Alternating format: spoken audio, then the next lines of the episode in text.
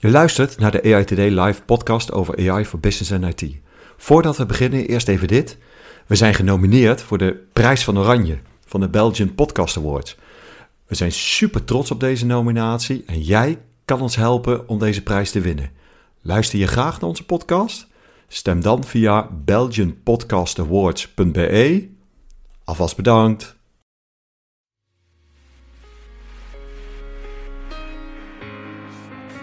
Je luistert naar deel 2 van de driedelige serie over trends in MLOps. Mijn naam is Joop Snijder, CTO bij Agency.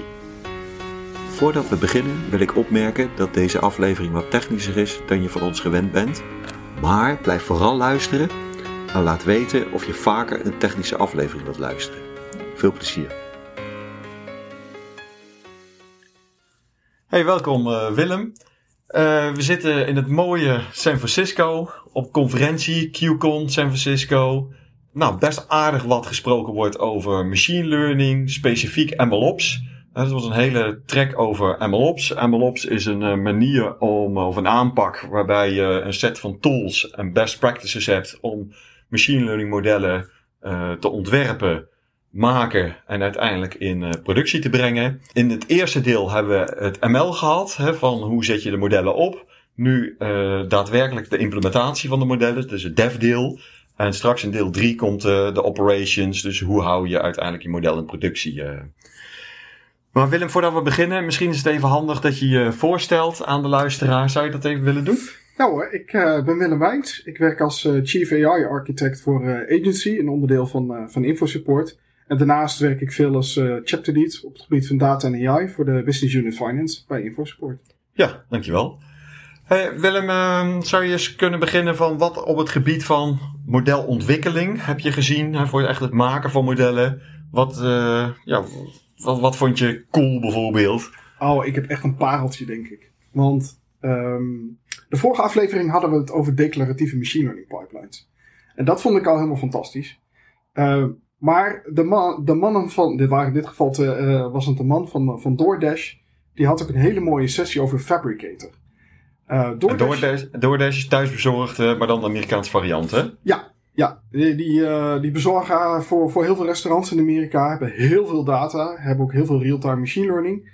Um, en, en omdat zij zoveel data hebben, uh, hebben zij een tool bedacht, Fabricator, um, die hun in staat stelt om declaratief feature engineering pipelines samen te stellen. Uh, een van de dingen die je moet doen voor machine learning is dat je ja, ruwe data uit, uh, uit productie moet je eerst omzetten naar iets wat een machine learning model begrijpt. We, we werken met wiskundige formules, dus we kunnen niet gewoon tekst erin stoppen en gewoon plaatjes erin stoppen. Daar moet je toch wel ja, uh, wiskundige zaken op loslaten om daar getallen van te maken, wat dan uh, de originele data representeert.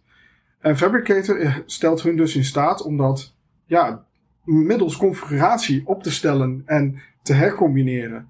Ja, dat vind ik, vind ik echt mooi om te zien, hoe ze dat hebben gedaan. Ja, en zou je kunnen uitleggen hoe dat declaratief werkt? Um, ja, ik weet niet meer helemaal in detail hoe ze dat gedaan hebben. Um, ja, het komt erop neer dat zij, uh, ze kunnen databronnen definiëren. En ze kunnen dan um, in Fabricator aangeven, ik wil graag uit deze bron uh, deze kolommen extraheren en processen um, op een bepaalde manier. Dus ze kunnen meerdere processing stappen aangeven, bijvoorbeeld het terugschalen van de getallen tussen 0 en 1. Ze kunnen aangeven, nou, ik wil alle nul values wil ik graag weg. Ik wil graag, um, uh, als het gaat over tijdlopende zaken, wil ik graag running averages berekenen. En dat kunnen ze allemaal achter elkaar chainen als een soort pipeline. Ja, waarbij je iedere keer zegt hè, van uh, dit wil ik dubbele punt uh, en dan bijvoorbeeld inderdaad no values removen of zo. Ja, ja, het is ook weer dat, dat die, hè, de vorige aflevering hadden we het daar ook over. Daar hadden met die declaratieve pipelines kon je met YAML kon je dan uh, training aangeven en hoe je de features wilt verwerken in je model. Uh, in het geval van Fabricator geef je met YAML aan, ik wil graag deze data source hebben uh, en ik wil graag deze kolommen eruit hebben. En daarna welke operaties je daarop los wilt laten. En Fabricator zorgt er dan voor dat dat netjes wordt omgezet in code en uitgevoerd. Hey, en ze lieten ook zien wat daarachter zat, hè? van wat, wat zij gebruikten. Kun je daar iets over vertellen? Ja, zij gebruiken een heel mooi platform. Uh, uh, Ray uh, gebruiken zij. En dat is een, een systeem wat je in staat stelt om uh, je code op je laptop te draaien. Maar tegelijkertijd in grote clusters. DoorDash doet het allemaal in hele grote clusters natuurlijk. Ze hebben heel veel data. Maar ja, die tool die kan dus ook op je laptop draaien. En eigenlijk is het een, een distributed runtime in Python. En distributed betekent in dit geval, ik kan een stuk code op de ene computer draaien of op de andere. Um, en, en Ray zorgt er dan voor dat dat automatisch gebeurt eigenlijk. Dat je dat helemaal kunt aangeven. Ja, met één declaratie veranderde je dat, hè? Ja, dat vond ik helemaal krachtig. Je, je begint met een gewoon Python-programma. Dan zeg je, lees deze data, pak deze kolom eruit, uh, map deze kolom uh, naar een ander formaat. Uh, dat wat allemaal Python-functies zijn die, die regulier bestaan. in bijvoorbeeld een library als Pandas of NumPy. Um, en daarna zeg je, boven de functie die dat doet, die die data leest, bijvoorbeeld zeg je apenstaartje ray.remote. Uh, maak er maar een remote functie van. En dan, zodra ik dan zeg Ray, uh, uh, draai dit programma maar, dan gaat hij zelf zeggen van, oh ja, maar die functie die wil ik dan hier hebben op deze node. Oh, die is vol. Ik heb niet meer genoeg CPU beschikbaar. Nou, dan pak ik een tweede node, dan ga ik daar de tweede functie op draaien. Ja, dus dat is hè. Dus Ray uh, kan je dan gebruiken. Maar ze, ze, eigenlijk hadden ze heel wat open source producten aan elkaar geknoopt. Uh, waardoor ze bijvoorbeeld dashboarding hadden van... Uh, zijn lopen de features nog, nog goed? Hè? Is er geen degradatie in het gebruik van de features? kan je daar nog wat over vertellen? Ja, dus zij hebben, ze hebben best wel een aardige stek in elkaar gezet. Um, een van de dingen die, die best wel belangrijk is... Um, is dat je je features ook even netjes opslaat. En vaak zie je dat, uh, dat mensen dat nu nog in een, in een data lake-achtige omgeving doen. Uh, zij gebruiken daar Feast uh, voor, Feature Store heet dat.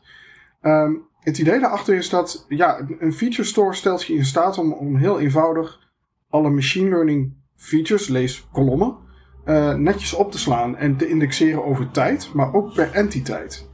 Um, dus wat zij dus kunnen doen in hun omgeving is zeggen van nou, ik, ik record gewoon het hele jaar door, leg ik steeds alle machine learning features vast.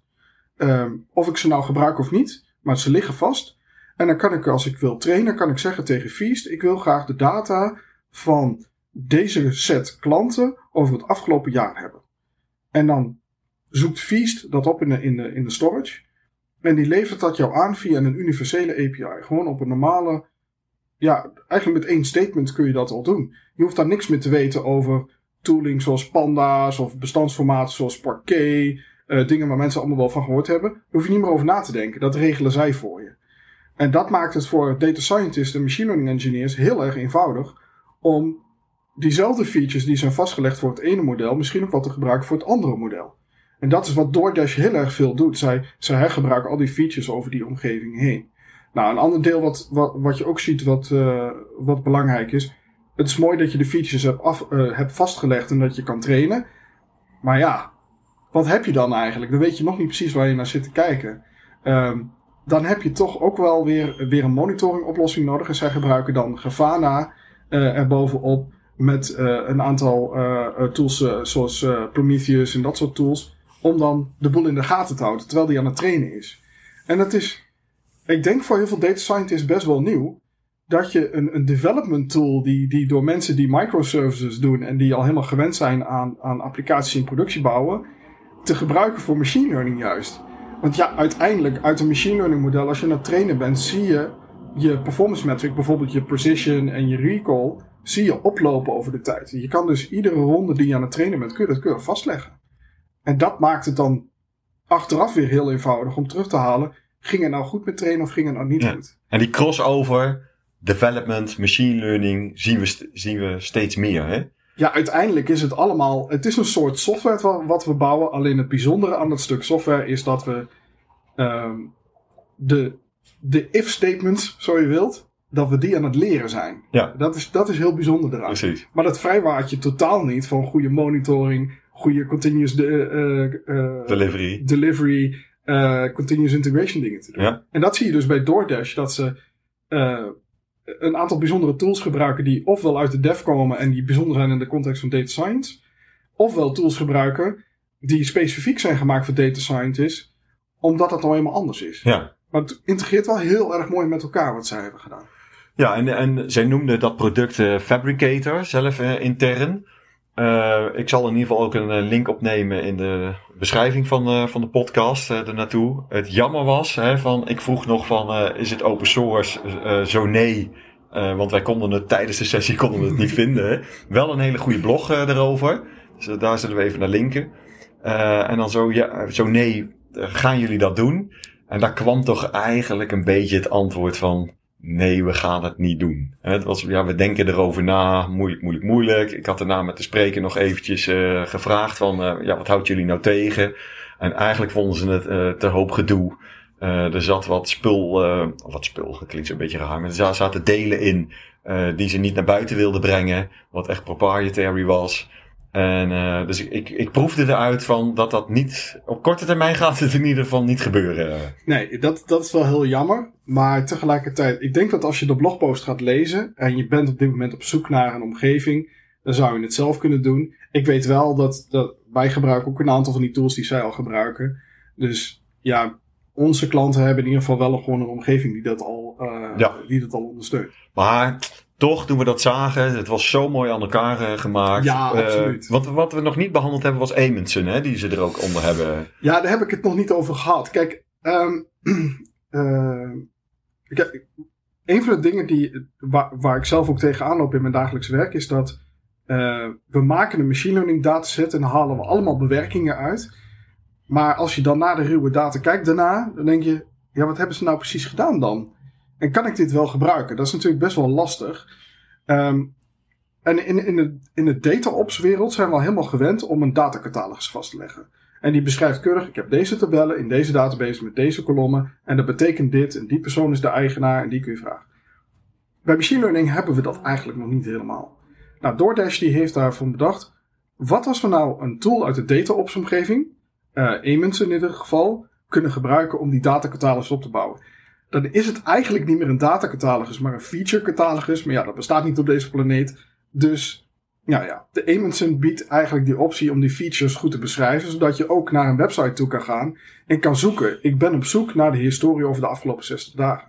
En die krijg je dan keurig terug. Dat maakt het leven wel heel veel makkelijker. En voor de luisteraar, maar wat is dan het verschil tussen die feature store en die data catalog? Oh ja, dat is wel een goeie. Um, je moet het zo zien. De feature store is eigenlijk de database en het transportmechanisme. Dus die bewaart de features en die transporteert ze naar de uh, trainingscode. Of naar productie als je dat nodig hebt om voorspellingen te doen. En de datacatalogus beschrijft wat die data betekent. Dus in de feature store staat gewoon kolom 0 tot en met 9 als je 10 kolommen hebt. Maar die 0 tot en met 9 die staan in Amundsen keurig vertaald naar van ja, de kolom 0 is het klantnummer, kolom 1 is uh, uh, uh, hoeveelheid betaald, kolom 2 enzovoort. Ja, en, en zou je het ook zo kunnen zeggen dat in de datacatalogus staat de ruwe data beschreven.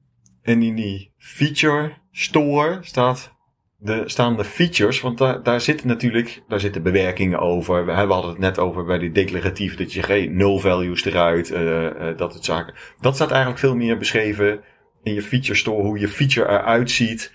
Uh, wat je ermee kan. Waar... Ja, maar dat is best wel verschillend. Kijk, als je kijkt naar. Um, er zijn verschillende feature stores te krijgen in de markt op dit moment. Er zijn feature stores die eigenlijk het, het beschrijvende gedeelte erbij in hebben zitten.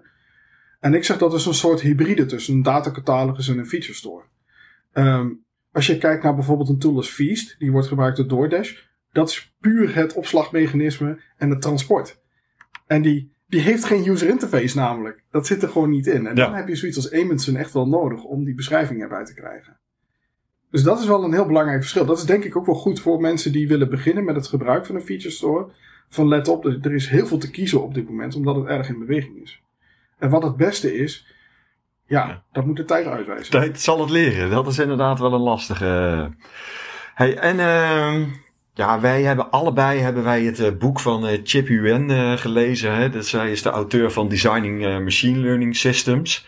nou ja, ik, ik heb daar een beetje als een fan, zeg maar, in, in de zaal gezeten. Want dat boek, ook die nemen we op in de link van, van deze podcast. Wat mij betreft is dat het boek waar de meeste kennis, informatie per pagina in staat. Zo compact, flink boek.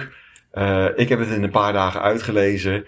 Uh, en toen tolde echt mijn hoofd van, uh, oh, ja, oh ja, dit moet ik onthouden, dat moet ik onthouden, alles aangestreept. Dus wat mij betreft, zeg maar, is dit eventjes, zeg maar, het boek op het gebied van uh, machine learning systems. Hè. Dit heet Designing Machine Learning Systems, gaat eigenlijk over MLOps, van voor tot achter. Ja. En zij had een presentatie over real-time streaming. en zij had het over muffige data. dat was echt een mooie term, hè? Stil, stil data in het, uh, in het Engels. Uh, kan jij uitleggen, wat, wat, uh, wat was die muffige data zo, zo, zo, waar zo'n zo muffige lucht vanaf komt? Ja, kijk, ik, ze had een heel mooi voorbeeld erbij ook. Um, creditcardfraude vertelde zij over. En, en het belang van niet van verse data eigenlijk. Ja. want hoe muffiger, hoe lastiger. En het idee is eigenlijk van, uh, kijk, als iemand jouw creditcard steelt, die zal zo snel mogelijk proberen dat ding te plunderen.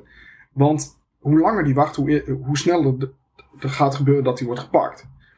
Um, als je dat nou wil detecteren, dat je creditcard misbruikt wordt, om wat voor reden dan ook, dan heb je de, de geschiedenis nodig over wat is er nou in de afgelopen periode gebeurd met de creditcard. Is dat normaal gedrag of is dat dat plundergedrag? Um, nou kun je natuurlijk heel ver terugkijken. En daar krijg je een heel stabiel plaatje van wat er met die geschiedenis gebeurt. Alleen, dat is best muffig. Want je loopt achter op de werkelijkheid. Hoe, hoe verder je terugkijkt in de geschiedenis van die creditcard, hoe ouder die data wordt en hoe minder handig dat wordt. Ja, en, en want het ging om, om real-time. Dus het kan zijn dat, dat, uh, dat het stellen van de vraag van doe mij zeg maar de, de transacties van de afgelopen 10 minuten dat je daardoor de, de laatste transacties mist, omdat dat niet gelijk loopt. Ja. dus je mist eigenlijk de, de allerlaatste dingen. Uh, dus zit je eigenlijk naar muffige data te kijken, want de meest verse data heb je niet, omdat er een latency probleem zit. dus je bent niet snel genoeg in het ophalen van de gegevens ten opzichte van de transacties die plaatsvinden. Ja, want hè, dat is goed om dat erbij te vertellen. Kijk, um, stale data gaat ook inderdaad over oudere gegevens, dus in dit geval. Hè, je kijkt verder terug. En latency speelt hier ook zeker een rol mee. Als het 10 minuten duurt om de laatste transactie in jouw machine learning model door te voeren, dan, ben je, ja, dan heeft die persoon al 10 minuten lang iets met die creditcard kunnen doen wat niet de bedoeling was. Dus je wilt de latency zo kort mogelijk hebben en je stilness van je data, ja, daar, daar wil je wel mee spelen. Want daar, als je dat heel kort maakt, dus als je uh, ook maar van de laatste 10 minuten data gebruikt om, de, om te kijken van wat is het patroon, dan wordt het ook heel volatiel. Dat, Dan gaat het alle kanten op. Maar ga je te lang, dan krijg je dus echt te maken met muffige oude spullen. Het is net als een brood bakken. Als je een brood net uit de oven haalt, dan zeggen ze altijd van, dan moet je niet direct aansnijden, want dan, dan deuk je hem helemaal in en dan is dat heel vervelend. Laat hem heel even afkoelen. En ga hem dan lekker eten. Dan is hij vers. Ja. Uh, en als je hem drie dagen laat liggen, dan kun je beter niet meer opeten. Ja, zeg maar. En dat is zoiets met data ook in dit geval. Uh, zeker ja. met dit soort scenario's. En het, uh, kan je nog herinneren zeg maar, wat de oplossing hiervoor was? De, de hoe dan? Ja, dan moet ik even heel hard weer nadenken. Want er, er zat zo'n key value store zat ertussen. Dus eigenlijk op het moment dat je data binnenkrijgt, probeer je die zo snel mogelijk al te processen. Dat je hem klaar hebt staan in een key value store. Dat je latency eigenlijk zo kort mogelijk wordt. Dat als je die, dat je die data nodig hebt, dat die, dat die klaar staat. Dat je er eigenlijk niks meer mee hoeft te doen. Alleen nog maar op te halen. Ja, ik weet even niet. Dat is een soort, van, een soort van pre-processing. Zo gauw je data binnenkrijgt. Real-time, zo snel mogelijk pre-processen in de staat. Uh, waarin je hem later gaat opvragen. Ja, ik, ik heb zoveel content gezien dat ik niet meer helemaal precies weet hoe die tool heet. Um, Ik heb na die tijd nog... Ja, dat was uh, Kleepot AI. Kleepot.ai. Oh ja, ja dat, dat bouwt ze... Ja, dat is wel een goeie dat je dat zegt. Zij bouwt dat ook zelf. Uh, en het idee achter die store is dat het dus een soort streaming store is. Die je kan aansluiten op tools als Kafka. Uh, wat, wat dan je in staat stelt om data te streamen door je systeem. Um, en Claypot die kan dan nou, op, op een ingesteld timeframe eigenlijk uh, dat bewaren en preprocessen heel snel voor je.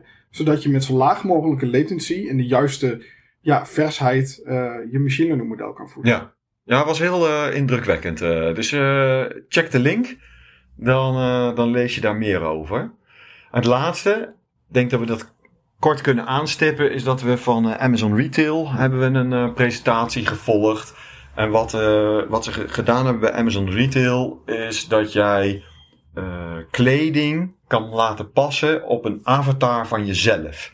Hè, dus je krijgt een, eh, eh, nou ja, je, en wat ze, wat ze doen is dat je met twee foto's eh, een soort van body shape scan maken. Eh, dan gaan ze belangrijke punten van je lichaam gaan ze, eh, bepalen aan de hand van een algoritme. Waardoor ze uiteindelijk daar kleding op kunnen passen. Dat je kan zien hoe een t-shirt, hoe een jas eh, op jou staat, hoe een broek op je staat. Eh, nou, zag er al best wel cool uit.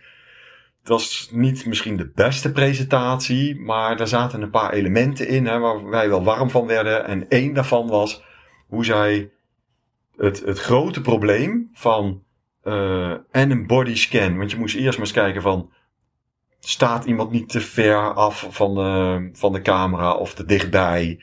Eh, kan je alle punten scannen? Passen de foto's bij elkaar? Eh, in plaats van dat ze daar één groot deep learning model van hadden gemaakt, wat je toch in de praktijk best wel wat vaker ziet, hadden ze dat in allerlei kleine problemen opgesplitst. Nou, dat staan wij ook vaak voor, hè? dus eh, zo, zo kijken wij ook naar, eh, naar de problemen. Dat, dat zagen we terug, hè? hoe ze dat gedaan Ja, hadden. ik vond het wel heel speciaal. Om, om, het was eigenlijk. Nou, ik, ik heb het niet vaak gehoord dat mensen het zo oplossen. En ik vond dat. eh, zij deden dat met als reden. eh, het paste allemaal niet op de mobiel tegelijkertijd. Dus ze hadden. Oh, dat was een goeie, hè? want het moest allemaal om die edge draaien. In ieder geval het bepalen van of iemand wel of niet eh, goed voor de camera stond. Ja. Eh, of die in de juiste houding stond. Want je, je moest een beetje met je armen zo wijd staan. net als dat je zo'n zo scan, bodyscan krijgt op het vliegveld als je door die poortjes moet. En het bepalen van de. Of deden, ja, die shapes deden ze ook. Nee, die, die deden ze in de cloud. Hè, van Ja. van de, de, de punten op je lijf. Ja, dus ze hadden een deel van, van hun spul in de cloud draaien. Vooral de, de modellen die extra zwaar zijn, die draaien ze dan in de cloud. Maar eh, de begeleiding voor het correct positioneren voor de camera, dat draaiden ze op de mobiel. Ja. En zij hadden nog een trucje wat denk ik ook nog wel goed is om, eh, om erbij te, te halen. Is dat ze zeggen van ja, ehm, je start de app op en dan wordt het model gedownload naar je telefoon. Zodat ze ten alle tijden ook een nieuwe versie kunnen deployen. Mochten ze een fout ontdekken of mocht die minder accuraat worden. En dat vind ik ook wel mooi. Dat ze dus aan de ene kant zeggen van we knippen het op in kleine stukjes. En we zorgen er dan voor dat het model ook nog dynamisch opgebouwd kan Ja, worden. Dat zijn door- wel goede trucs. En door die modellen in kleine stukjes eh, op te delen, konden ze de modellen ook heel klein houden. Want ze wilden niet te veel toevoegen aan de grootte van de app. Want ja, bij Amazon heb je niet allerlei verschillende apps, maar je hebt één app. Eh, en er zijn natuurlijk andere afdelingen die ook van alles willen in zo'n app. Dus, dus eh, nou ja, door het in kleine stukjes in te delen, eerst van sta je goed voor de camera, daarna heb je goede houding. eh, en daarna konden ze het verder opsturen. Vond ik echt een hele mooie, Ja, dat is echt, echt Ja. een mooi gemaakte oplossing. nou, ik denk dat we zo helemaal rond zijn qua het dev-gedeelte. Dus we hebben ML gehad in deel 1. Dit was deel 2, het eh, dev-deel. Wil je weten hoe het verhaal verder gaat over de ops? Hoe hou je het eh, in productie? Eh, blijf dan luisteren. Zorg dat je eh, in Spotify ons volgt. Dan eh, krijg je een seintje wanneer de volgende klaar staat. Wordt heel snel. En weer bedankt voor het luisteren.